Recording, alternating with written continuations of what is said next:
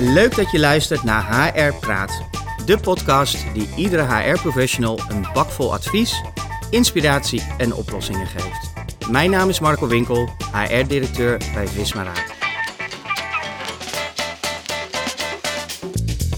Team Jumbo-Visma is een oer-Hollands professioneel topsportteam dat 365 dagen per jaar zichtbaar is en op het hoogste niveau presteert. Op het hoogste niveau presteren zonder dat je medewerkers hier aan onderdoor gaan, dat klinkt als muziek in de oren. En daarom ga ik met Marieke van Wanrooy in gesprek. Zij is voormalig topsportster en momenteel head of coaching bij Team Jumbo-Visma Women. Ze motiveert vol enthousiasme en creativiteit haar rensters richting meer bewegen en beter. Beter presteren, iets waar werkgevers veel van kunnen leren om medewerkers fit, vitaal en gezond te houden. Welkom Marieke. Voordat we het gaan hebben over vitaliteit, wil ik graag eerst van jou weten wat jouw hoogtepunt van de afgelopen periode was. Mijn hoogtepunt van de afgelopen periode. Ehm, met het team of echt? ehm, Dat mag met het team, dat mag met je persoonlijk. Eh, eh, We hebben toch inderdaad een rare... eh, ja, eigenlijk sluiten we dit nu sinds gisteren een, een, rare periode af. Hè? Corona is voorbij, maar iedereen heeft dat op zijn eigen manier beleefd. Ja, nou ja, dat klopt.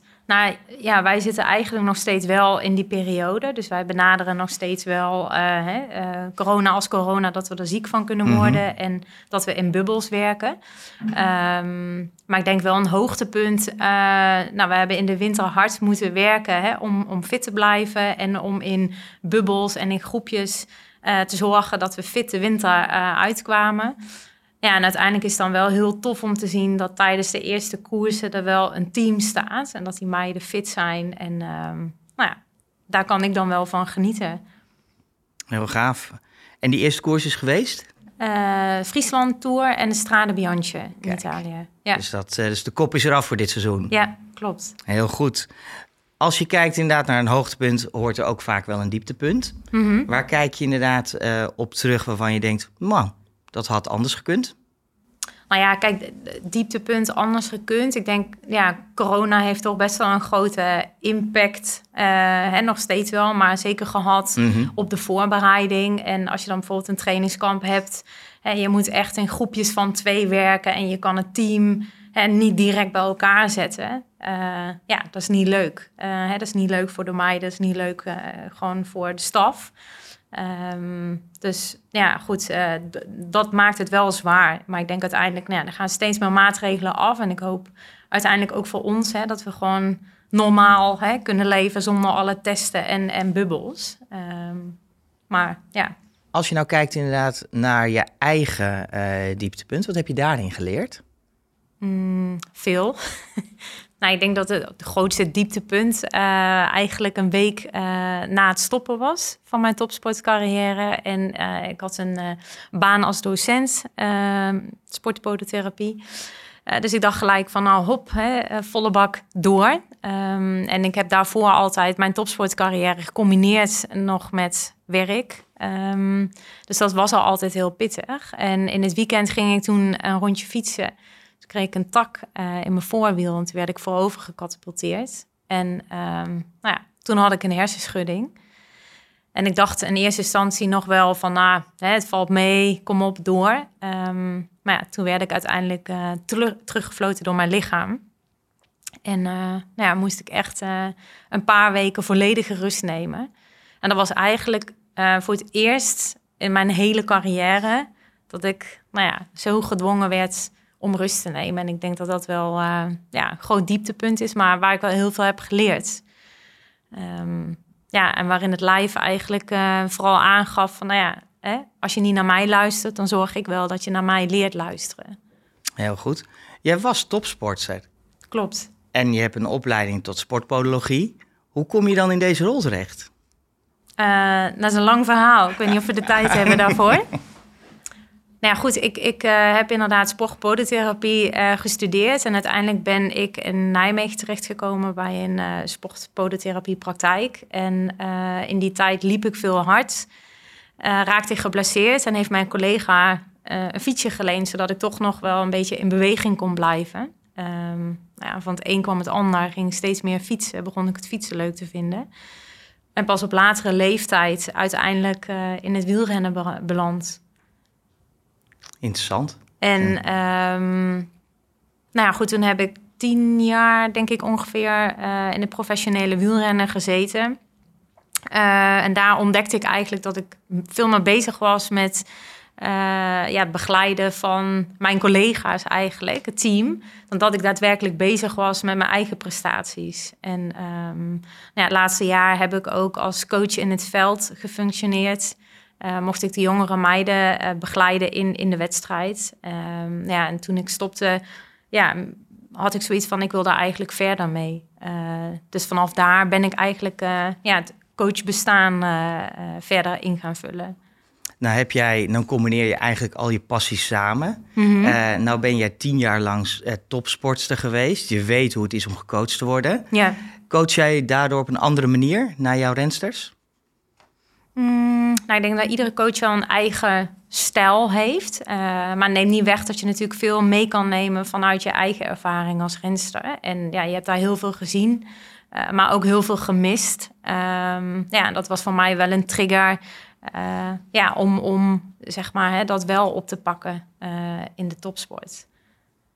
Heb je een, een soort eigen proces? Want je zegt zelf, elke coach heeft, pakt zijn eigen manier. Wat ja. is het geheim van jouw uh, proces of coaching? nou, mooie vraag. Nou, ik denk vooral wel de nieuwsgierigheid, maar ook het ja, empathische. Um, ja, en altijd ja, degene willen horen. Ik denk dat dat heel belangrijk is. Samen verbinding, als ik het zo hoor, uh, uiteindelijk. Ja, ja. ja. Een actualiteit die niet alleen in sport, maar ook inderdaad bij ons op de werkvloer uh, van toepassing is natuurlijk veilig voelen. Je veiligheid op een werkvloer kunnen garanderen. Mm -hmm. de laatste tijd is daar natuurlijk veel over in het nieuws momenteel. Ja. Hoe zorg jij ervoor dat binnen jouw team rensten zich veilig voelen? Mm -hmm. Nou, ik denk dat dat ook wel een stukje betrokkenheid is en nieuwsgierigheid, waar we het net al over hadden. Ja, dat degene zich thuis voelt, welkom voelt. Um, ja, en ik denk dat uh, nou ja, hè, de, eerste samenkomst daarin een hele belangrijke, cruciale rol uh, ja, speelt. Um, ja, hè, dat, dat iemand zich voor kan stellen, zijn verhaal kan doen. Um, ja, dat daar een soort van verbinding ontstaat waardoor diegene zich veilig kan voelen en zich verder kan ontwikkelen. En hoe gaat dat in een teamdynamiek uh, uiteindelijk? Stel dat jullie bij elkaar zitten. Mm -hmm. Je wil geen uh, voortrekkersrol uh, creëren. Je wil iedereen gelijkwaardig behandelen. Hoe werkt zoiets in een renteam? Nou ja, uiteindelijk is het zo hè, dat een aantal meiden blijven. Of die mm -hmm. komen zeg maar van het jaar daarvoor. En, en, ja, je hebt een aantal nieuwe meiden. Dus je moet toch iedere keer weer hè, opnieuw uh, uh, beginnen. Vorming, norming, storming. En die fases die eigenlijk een team doorloopt. Ja. Um, maar wat denk ik heel belangrijk um, uh, wel is... Um, ja, dat je, dat je vooral eerst iedereen kennis laat maken. En, en dat misschien niet op een hele statische manier uh, doet, hè, maar dat ook op een dynamische manier uh, kan doen. En wij zijn bijvoorbeeld out of comfort naar Noorwegen gegaan. Uh, zij gaan langlaufen. Iets wat ze waarschijnlijk nooit zoveel gedaan hebben. Nee, en wat misschien sommigen wel al konden, maar een heel aantal ook niet. Dus dan, dan voel je eigenlijk al hè, gelijkwaardig buiten dat sommigen misschien denken van... goh ja, ik zit al twee jaar bij je team en ik ken het al. Of hè, ik ben ouder dan jij bent en ik heb meer ervaring. Um, nou ja, dus ik denk dat dat een hele goede zet is geweest. Uh, hè, om iedereen eigenlijk uit de comfortzone te halen en iets te, uh, te laten doen wat ze niet standaard zouden doen. Uh, waarover ze in gesprek kunnen met elkaar en, en uiteindelijk zich aan elkaar voorstellen. Um, ja, en dan ontstaat er een bepaalde teamdynamiek. Ja, en dan is het aan ons als coach hè, om daarop verder op in te spelen en om op vragen te stellen en hun uiteindelijk weer aan het denken te zetten. Leuk, dat klinkt inderdaad heel intensief ook voor de rensters. Maar ook zeker uh, uiteindelijk een goede basis voor de start van het seizoen. Absoluut. Waar je net zei, we zijn goed van, uh, van start gegaan uh, uiteindelijk. Ja, ja. Als ik inderdaad een vraag die bij mij opkomt nu is van topsport, druk. Je hebt in het voorgesprek ook zelf aangegeven dat jij dat ook zelf ervaren hebt. En ook af en toe zelf jezelf voorbij bent gelopen mm -hmm. daarin, omdat je te veel stappen wilde zetten. Ja. Wat heb jij zelf daaruit geleerd uit die periode? Nou ja, ik denk wel nou ja, dat is wel wat ik geleerd heb. Toen eh, was er eigenlijk niemand, hè, of waren er te weinig mensen in je omgeving die zeiden van, goh, weet je, stap eens even daaruit en, en uh, neem rust. Uh, vaak is het toch zo dat de meesten hè, gas willen geven. Nou, misschien ook wel herkenbaar op, op de werkvloer. En ik denk juist even uit het proces uh, stappen of op de rem duwen. Ja, dat is vaak het meest lastige. Uh, ik denk als je de juiste mensen om je heen hebt of kan verzamelen, die je daarin goed kunnen begeleiden en kunnen laten inzien van, hey, weet je, in het kader van een proces, in plaats van hè, te veel al naar het eindstation kijken of toe willen, ja, dat dat heel waardevol is. En in, in ons werk hebben we vaak inderdaad elke week of elke twee weken één op één gesprekken. Ja. Hoe pas je dat toe met je renses? Dus hebben jullie dat ook, coachingsgesprekken? Ja. Ja? Ja. En eh, wat, hoe vaak is dat? Elke week? Uh, en wat bespreek je dan met, uh, met de rensters? Ja, nou, het is minimaal één keer per week. Ja. En ja, soms komt het voor dat het vaker uh, nodig is. We vinden het ook wel belangrijk hè, om, om de zelfregulatie uh, te stimuleren en, en het eigenaarschap eigenlijk uh, van die renster. Dat ze uiteindelijk zelf de telefoon oppakken en zeggen van goh, ja, ik heb een vraag. dus we proberen dat uiteindelijk ook zeker te, te triggeren. Maar in ieder geval um, ja, één keer per week. En um, ja, de rensters zijn ook verantwoordelijk voor die input van dat gesprek. Um, maar dat is eigenlijk bijna nooit een issue. Dat, dat ja, gaat als het ware vanzelf. En daarin merk je ook wel dat ze het heel prettig vinden om gehoord te worden, hun verhaal te doen en uh, ja, getriggerd te worden in dat proces om weer een vervolgstap te nemen. Ja, ik hoorde inderdaad, net zoals op ons eigen werk, gewoon persoonlijk leiderschap is ook voor Renses essentieel ja. om succesvol te zijn. Ja, uh, super belangrijk. Ja, ja, daarin. Leuk. Um, wat kan jij uh, leidinggevenden uh, meegeven die te maken hebben met medewerkers die wellicht uitvallen uh, ten aanzien van een burn-out of druk op het werk? Mm -hmm. heb, je, heb je een tip voor onze luisteraars? Mm -hmm. Nou, ik denk waar we het net al over hadden, die, die één op één gesprekken zijn denk ik heel belangrijk daarin. Dat je een soort van ja, coach, vertrouwenspersoon op de werkvloer hebt, waarin je ja, je verhaal kan, kan delen. En ik denk dat het belangrijk is voor de leidinggevende werkgever om vooral ook heel nieuwsgierig te zijn en, en uh, vragen te stellen. En misschien ook te kijken naar de karakteristieken van, van de persoon zelf die je voor je hebt. Um, als, als echte coach, nou uh, zie ik jou even als mijn voorbeeld. Jij traint vijf uur per week of vijf uur per dag. Moet ik dat dan ook gaan doen? Is dat wat je mij zou adviseren om op dat niveau te kunnen komen? Nou goed, je hebt wel een bepaalde basis nodig natuurlijk om hè, met de top uh, mee te kunnen. Uh, maar dat kan voor de ene persoon heel anders eruit zien dan voor de andere persoon. En misschien heb jij uh, hè, daar een x aantal jaren voor nodig. En heeft de andere persoon hè, maar een aantal maanden nodig. En kan die misschien al sneller stappen zetten. maar misschien heeft die persoon op basis van zelfvertrouwen of persoonlijk leiderschap... ja, langer de tijd nodig. Um, dus ja, dat is heel individueel. En ik denk dat je daar echt achter komt in een één op één gesprek. En dat het belangrijk is dat je dat ook, denk ik, uh, met elkaar in een hè, persoonlijk ontwikkelplan beschrijft. Um, hè, waardoor je het ook kan monitoren en, en je die ontwikkeling ook ziet met elkaar. Want dat dus is denk ik ook waardevol. Ik wilde net zeggen, je coacht echt op het individu. Ja. Elke renster heeft haar eigen schema ja. uh, om op uiteindelijk als team uh, goed te kunnen presteren, als ik het zo hoor. Ja, ja. en ik denk dat de valkuil wel is, hè, dat, ik bedoel, dat zien wij ook dat met name hè, de onervaren rensters of de jongere meiden kijken hè, naar de ervaren oudere meiden. Ja, en dan is het heel belangrijk als leidinggevende of als coach hè, om te kijken: oké, maar waar sta jij in het proces en jouw ontwikkeling waar jij naartoe wil? Um, ja, dat is denk ik wel essentieel. Ik zie eigenlijk steeds meer verbinding ook met het, met het werkende leven.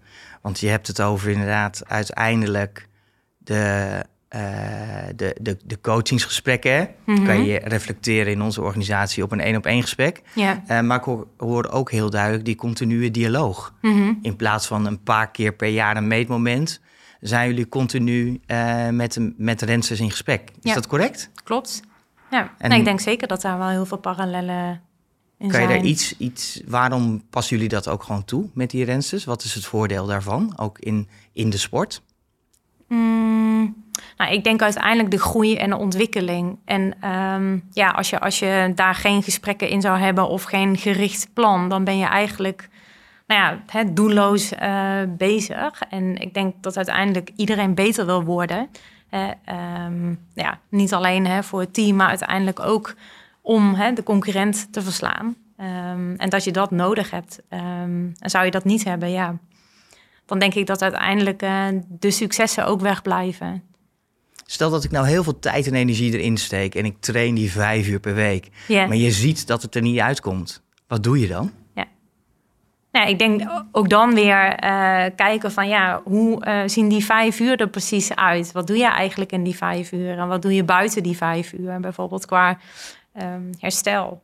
Um, ja, dus ook dan is het weer heel belangrijk, denk ik, om een aantal vragen te stellen en in gesprek te gaan. Ja, ondanks dat het misschien teleurstellend is. Ja, exact. Ja, ja juist, denk ik. Ja. Juist. Dus dat, waarom juist? Nou ja, ik denk als je teleurstelling uh, nou ja, wegstopt, hè, dat het uiteindelijk ergens anders in grotere mate terug kan komen. Um, nou ja, en, en als we dan toch aan het vergelijken zijn hè, met de werkvloer. Mhm. Nou ja, ik denk in het kader van burn-out. Je, je, kan bepaalde dingen ja, wegstoppen. Maar uiteindelijk stapelt het zich op. En dan loop je vanzelf tegen de muur. Wij zijn twee jaar geleden begonnen met echt vitaliteit actief op de kaart te zetten. Twee jaar geleden had ik een droom. Ja. 100% aan het sporten krijgen van onze organisatie. Ja. Nou, daar zitten wij op dit moment nog niet aan uh, daarin. Ja. Wat kan jij uh, uiteindelijk onze medewerkers adviseren die nu denken van ja, maar ik wil, maar ik durf niet. Wat, hoe kan je nou over die stap heen? Hoe kan je je nou over die stap heen zetten om mhm. toch te gaan bewegen? Want ik vind het heel belangrijk. Ik doe het heel veel. Ja. Uh, jij vindt het heel belangrijk. Dus samen moeten we toch wel een tip kunnen krijgen om die medewerkers in beweging te krijgen. Ja. Nou, ik denk dat het een mooie vraag zou zijn van ja, wat houdt je tegen om het niet te doen? Of wat heb je van ons nodig om het wel te gaan doen? Is echt inderdaad die vraag stellen. Die hebben wij vaak gevraagd. Ja. Wat, wat, wat zou een laagdrempelige oplossing kunnen zijn om medewerkers toch met elkaar te laten lopen? Is dat een optie? Uh, heb jij dingen waarvan je denkt, ja, maar als je dat doet, hoe klein het ook is, begin daarmee. Ja.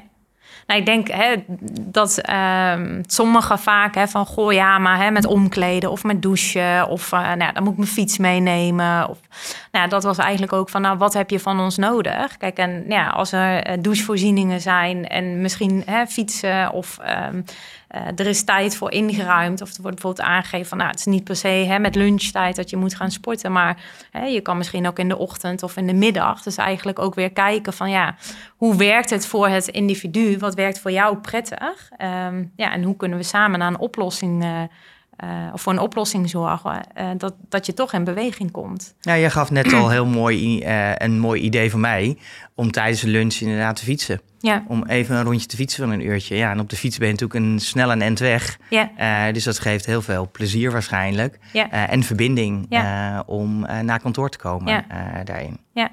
En sommigen vinden het misschien fijner om ochtends te sporten. En dan de hele middag uh, hè, of, of uh, na het sporten te gaan werken. Dus ja, ik denk dat, dat daar, ook nog wel meerwaarde in zit. Om te kijken van ja, de een vindt het ochtends fijn om te sporten, de andere tussen de middag en de ander misschien na het werk. Uh, dus dat we niet met z'n allen hè, verplicht zijn om met lunchtijd te gaan sporten. Ja. In dat, in dat want dan wordt er misschien een moeten, hè, van oh ja, ik moet uh, ook mee, want de rest gaat ook. En dat is misschien de sociale druk. Maar uiteindelijk moet het denk ik vanuit de hè, intrinsieke motivatie komen. Ja. En, dat, dat je het langer vol kan houden. En iedereen heeft natuurlijk zijn eigen voorkeur. Uh, en uh, ik zeg ook altijd, als je echt niet wil, ga lekker wandelen. ga buiten lopen, doe ja. in plaats van een meeting online, pak die telefoon en geniet van het weer. dat is soms ook inderdaad vraag. Ja. Nou kan ik me voorstellen dat jij de hele dag bezig bent met sporten, coaching, uh, et cetera. Hoe blijf je zelf vitaal? ja, dat is ook een uitdaging. Ja.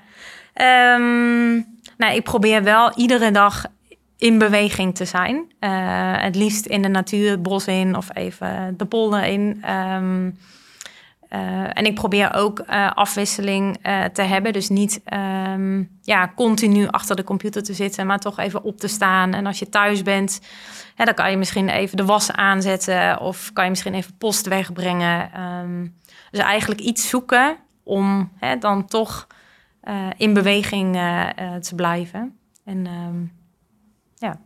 ook daar weer kleine stapjes inderdaad maken het resultaat. Ja, absoluut, ja. Nou gauw hadden wij net een gesprek over snelheid, uh, uh, soms inderdaad ook tegenslagen, valpartijen. Mm wat kan je organisaties meegeven als even iets tegenzit of inderdaad een valpartij plaatsvindt in een organisatie? Wat voor tip heb je voor onze luisteraars? Nou, dan hoop ik dat de luisteraars niet heel veel vallen. dat wens ik niemand uh, toe. Maar ik denk, um, nou ja, soms word je letterlijk en figuurlijk even stilgezet. Ik heb dat zelf ook uh, meegemaakt. En op dat moment is dat heel vervelend. Um, maar als je daarna kan kijken van, hey, ik krijg een bepaald ja, rustmoment. Um, wat kan ik daar uithalen? Wat kan ik daarvan leren? En nogmaals, nou ja, het, hangt ook af hè, van de ernst van de teleurstelling. Dus ja, soms is het gewoon ook even erg. En dan mag het ook even erg zijn. Um, maar je kan in zo'n periode kan je, ja, kan je er ook onwijs veel uithalen en ervan leren. Uh, doordat je misschien meer rust had moeten nemen om niet geblesseerd te raken. Of je dag misschien anders in te delen. Ja, en ook het leereffect eruit te halen om het de volgende keer niet uh, te laten plaatsvinden. Ja, precies. Nou sluiten we elke podcast altijd af over de tip die we moeten hebben uh, voor onze leidinggevende mm -hmm. coaches. Die is ook inderdaad zijn veel aanwezig op dit moment binnen organisaties. Wat zou jij uh, leidinggevende medewerker, coaches mee willen geven om medewerkers fit, vitaal, maar ook uiteindelijk gezond te laten zijn? Nou, ik denk belangrijkste, um, wees nieuwsgierig. Blijf vragen stellen. En het komt soms ook voor dat je als leidinggevende of als coach uh, even niet fit bent. Hè? En, en, dan is het ook voor jezelf even een goed moment om te denken van... hé, hey, ik, ben, ik ben even niet scherp en ik heb moeite met die vragen stellen. Dus hoe sta ik uh, in het proces? maar ik denk uiteindelijk de nieuwsgierigheid... dat dat het allerbelangrijkste is en naartoe leidt... Om met mensen in gesprek te gaan en te kijken van hey, hoe krijgen we uiteindelijk diegene wel in beweging um, en gemotiveerd. Dat is een super mooie tip. Ik, ik kan nog wel tien minuten doorgaan uh, uh, met je vraag stellen, want je prikkelt bij mij een bepaalde nieuwsgierigheid. Mm -hmm. Dat hoor ik eigenlijk ook terug in het verhaal. nieuwsgierigheid, verbinding, dat is wat mij betreft ja, de rode draad in het succesvol zijn van dit onwijs mooie damesteam van het team Jumbo-Visma. Dus ik kijk uit naar de vele mooie rendementen die je dit jaar gaat halen, mm -hmm. naast de twee die je al gehaald hebt. daarmee zijn we aan het einde gekomen van deze aflevering. Marieke, ik wil je bedanken voor dit interessante gesprek. Uh, en jouw mooie inzichten en hopelijk ook voor onze luisteraars. En wil je meer weten over vitale medewerkers of andere HR-thema's? Ga dan naar vismaraad.nl.